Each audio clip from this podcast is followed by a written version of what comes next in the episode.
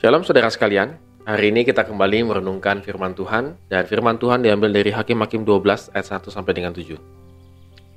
Dikerahkanlah orang Efraim, lalu mereka bergerak ke Zafon dan mereka berkata kepada Jefta, Mengapa engkau bergerak untuk memerangi Bani Amon dengan tidak memanggil kami untuk maju bersama-sama dengan engkau?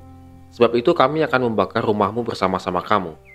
Tetapi jawab Jefta kepada mereka, Aku dan rakyatku telah terlibat dalam peperangan yang hebat dengan Bani Amon, lalu aku memanggil kamu, tetapi kamu tidak datang menyelamatkan aku di, dari tangan mereka.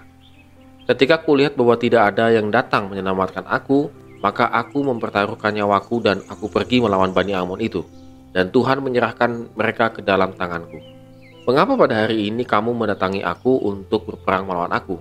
Kemudian Jefta mengumpulkan semua orang Gilead Lalu mereka berperang melawan suku Efraim. Dan orang-orang Gilead mengalahkan suku Efraim itu. Sebab orang-orang itu mengatakan, Kamulah orang-orang yang telah lari dari suku Efraim. Kaum Gilead itu ada di tengah-tengah suku Efraim dan suku Manasye. Untuk menghadapi suku Efraim itu, maka orang Gilead menduduki tempat-tempat penyeberangan sungai Yordan. Apabila dari suku Efraim ada yang lari dan berkata, biarkan aku menyeberang, maka orang Gilead berkata kepadanya, Orang Efraimkah engkau? Dan jika ia menjawab bukan, maka mereka berkata kepadanya, Coba katakan dahulu, Shi Bolet. Maka jika ia berkata, Si Bolet, jadi tidak dapat mengucapkannya dengan tepat, maka mereka menangkap dia dan menyembelihnya dekat tempat-tempat penyeberangan sungai Yordan itu. Pada waktu itu tewaslah dari suku Efraim 42.000 orang. Jefta memerintah sebagai hakim atas orang Israel selama enam tahun namanya. Kemudian matilah Jefta, orang Gilead itu, lalu dikuburkan di sebuah kota di daerah Gilead. Ya saudara sekalian, ini masih tentang Hakim Jefta. Dan Hakim Jefta ini pada bagian ini adalah bagian terakhir dari kehidupannya. Dan uh, ketika bagian terakhir daripada kehidupannya ini terjadi satu peristiwa yang tidak menyenangkan yaitu suku Efraim datang untuk mengklaim kebenaran daripada kemenangan daripada Jefta melawan Bani Amon. Mereka dengan alasan yang sangat jelas. Dulu waktu kamu berperang, kamu tidak mengajak aku, sehingga aku tidak tahu. Dan, dan aku tidak ikut berperang. Jefta di sini sangat kesal sekali, saudara sekalian. Karena ada dua kali statement dia mengatakan kepada suku uh, kepada Efraim. Tetapi kamu tidak datang menyelamatkan aku dari tangan mereka. Di ayat yang kedua. Di ayat yang ketiga, ketika kau lihat bahwa tidak ada yang datang menyelamatkan aku, jadi saudara dua kali statement Jefta menegaskan kepada suku Efraim bahwa kalian itu tidak datang ketika aku sangat membutuhkan pertolongan. Ketika aku sedang dalam keadaan kesulitan yang sangat luar biasa, engkau tidak datang menolong aku. Tetapi suku Efraim itu ngotot diminta ampun, akhirnya mereka berperang. Saudara, posisi daripada wilayah Gilead itu sangat strategis. Dia berada di tengah-tengah suku Efraim dan juga suku uh, Manasye. Sehingga ketika suku Efraim ini kalah berperang, maka mereka lari ke suku Manasye ataupun ke mana pun. Mereka harus menyeberangi sungai Yordan untuk keluar. Maka Jefta memakai taktik dengan menggunakan logat untuk mengetahui musuhnya. Jadi kalau ditanya, apakah kamu suku Efraim? Bukan. Coba bilang, she bolet. Maka suku Efraim itu tidak bisa mengatakan she huruf she gitu ya. Uh, S Y I gitu ya she nggak bisa. Mereka pasti akan bilangnya si bolet ini kalau mungkin agak-agak eh, pendengarannya harus cukup tajam begitu ya dan logatnya pun kelihatan. Seperti kita lah ya. Nama saya itu kan Fabio F.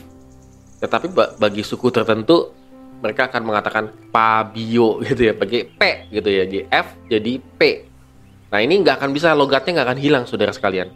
Saya bertemu banyak orang di suku tertentu. Namanya siapa? Fabio. Oh Fabio. Jadi saudara sekalian, uh, ini yang terjadi dengan suku Efraim. Maka mereka totali kalah perang. Nah, saudara sekalian, apa yang menjadi penekanan daripada cerita kali ini bagian akhir daripada kehidupan Jefta? Bahwa dia membuat satu statement yang luar biasa di ayat yang ketiga Tuhan menyerahkan mereka ke dalam tanganku. Artinya, ketika aku mencari pertolongan kepada yang lain, bahkan sangat kritis, aku membutuhkan pertolongan, tidak ada yang menolong, tetapi Tuhan menolong aku. Sehingga statement of faith-nya uh, Jefta, Tuhanlah yang menyerahkan mereka ke dalam tangan. Tanpa Tuhan, aku tidak akan menang. Saudara demikian juga dengan kehidupan kita, saudara. Bahwa terkadang kita itu lebih suka mencari pertolongan terlebih dahulu kepada manusia, bukan kepada Tuhan. Jefta melakukan hal ini, saudara sekalian, dan dia menemukan kekecewaan yang luar biasa. Ketika dia membutuhkan pertolongan sampai di ujung nyawanya, tidak ada yang menolong, saudara. Tetapi ketika dia menyerahkan hidupnya, imannya ke dalam tangan Tuhan, maka Tuhan memberikan kemenangan. Saudara hari ini kalau ingin kita meraih kemenangan dalam kehidupan kita, sukses dalam pekerjaan, pendidikan, dan lain sebagainya, mintalah pertolongan kepada Tuhan. Jangan kepada manusia. Biarlah Tuhan yang menggerakkan orang-orang di sekitar kita untuk menolong kita. Artinya saudara sekalian, kita datang dulu kepada Tuhan, berdoa kepada Tuhan, mencari Tuhan, meminta pertolongan kepada Tuhan. Baru tahap yang kedua, kita bisa meminta pertolongan yang lainnya. Dan saya yakin saudara, kita akan dipimpin oleh Tuhan untuk mendapatkan pertolongan yang tepat.